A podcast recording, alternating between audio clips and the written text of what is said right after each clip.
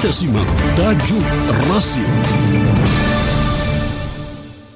Tajuk Radio Silaturahim edisi Jumat 24 Jumadil Awal 1445 Hijriah bertepatan dengan 2, 8 Oktober 2023. Diberi judul Pimpinan yang Membahagiakan artikel hidayatullah.com Alangkah beratnya ujian Allah kepadaku. Itulah untayan kata yang terucap dari Umar bin Abdul Aziz sambil duduk dan menangis begitu mengetahui dirinya dipilih untuk menjadi khalifah. Pemimpin umat Islam, kepemimpinannya yang amat singkat cuma lebih dari tiga tahun tercatat dalam sejarah dengan tinta emas Sekalipun tak berlangsung lama, namun Khalifah Umar bin Abdul Aziz telah menorehkan watak dan karakter kepemimpinan yang sederhana, egaliter, tawadu, telaten, sabar, adil, dan pembela duafa sesuatu yang amat fenomenal ketika dibawa ke pemimpinannya adalah ketika para pembayar zakat atau muzaki kesulitan untuk menunaikan kewajibannya karena sedemikian makmurnya kondisi masyarakat. Subhanallah. Begitulah dampak yang luar biasa dari cara seseorang ketika mempersepsikan apa yang menimpa atau dialami dirinya Khalifah Umar bin Abdul Aziz memandang jabatan sebagai ujian, bahkan ujian yang sangat berat. Maka reaksinya adalah menangis.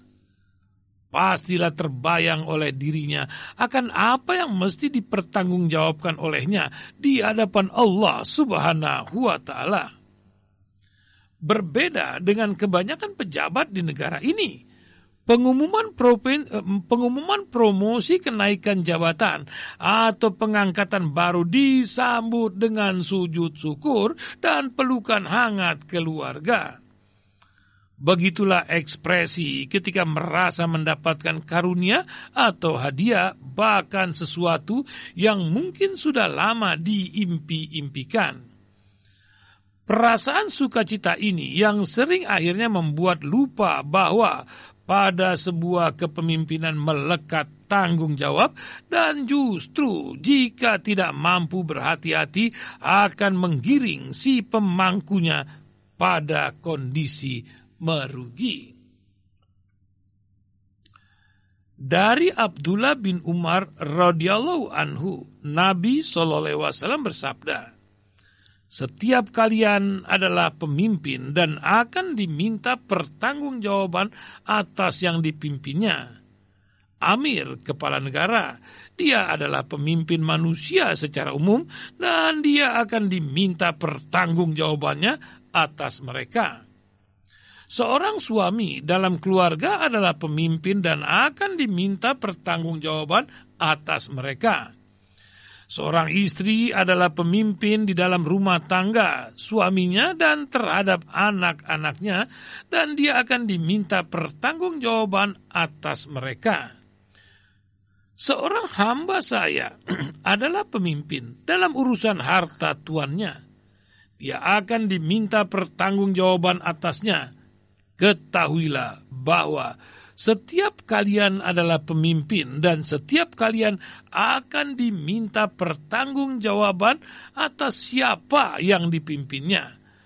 Demikian hadis riwayat Bukhari dan Muslim. Rasulullah SAW di penghujung hayatnya ketika membayang ajal telah semakin mendekat.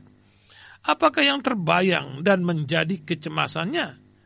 Umati, umati, umati, umatku, umatku, umatku. Begitu agung Allah kenabiannya dan begitu indah keteladanan kepemimpinannya. Umat adalah yang pertama dan terakhir dalam hati dan pikirannya. Beliau amat menyadari bahwa ia tidak diutus untuk sebagian orang. Separuh bumi tapi seluruh umat manusia di seluruh penjuru dan pelosok bumi. Rasulullah Shallallahu Alaihi Wasallam dipilih oleh masyarakat dan sahabatnya, tetapi dia dipilih. Eh, Rasulullah SAW tidak dipilih oleh masyarakat dan sahabatnya, tetapi ia dipilih dan dipersiapkan oleh Allah Subhanahu wa Ta'ala. Ia adalah rahmatan lil alamin, artinya tidak cuma bagi keluarga dan sahabatnya. Muhammad Rasulullah SAW tidak pernah berbohong pada sahabat dan musuhnya. Pemberi keadilan bagi yang percaya dan tidak mempercayainya. Penebar kesantunan bagi yang menyertai dan yang mencacinya. Bahkan penuh kasih bagi setiap ciptaannya dari hewan dan, ter, dan. Karena Rasulullah SAW begitu sangat-sangat ingin semua orang berbahagia karena memilih Islam sebagai satu-satunya agama yang ada di sisi Allah Subhanahu wa Ta'ala. Pada seorang pemimpin, seharusnya melekat kepribadian yang melepaskan segala ego dan interest yang berujung pada hasrat diri akan penghargaan, pujian, gengsi, dan segala atribut yang tidak terkait pada mensejahterakan dan membahagiakan mereka yang dipimpinnya. Karena apa pun yang bersumber dari manusia, sepenting dan secerdas apa pun itu, ia tidak pernah luput dari harapan yang menyertainya. Maka, Pemimpin yang amat mendamba puja-puji dari yang dipimpinnya, sejatinya ia sedang memuaskan hati dan kepentingannya. Bersyukurlah atas karunia Allah dan bersabarlah pada apa yang belum kita dapatkan. Teruslah memperbaiki kedekatan dan ibadah kita kepada Allah. Karena Sesungguhnya pertolongan dan kemenangan pasti dan hanya bagi orang yang beriman dan tawakal kepadanya.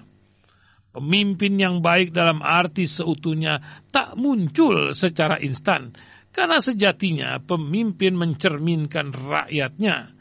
Rakyat yang mencintai kebaikan adalah refleksi dari keyakinan yang memenuhi jiwanya. Kesadaran bahwa hidup tidak selesai di sini, karena akhirat adalah saat ketika kita semua menuai apa yang kita tanam. Wallahu a'lam bishawab.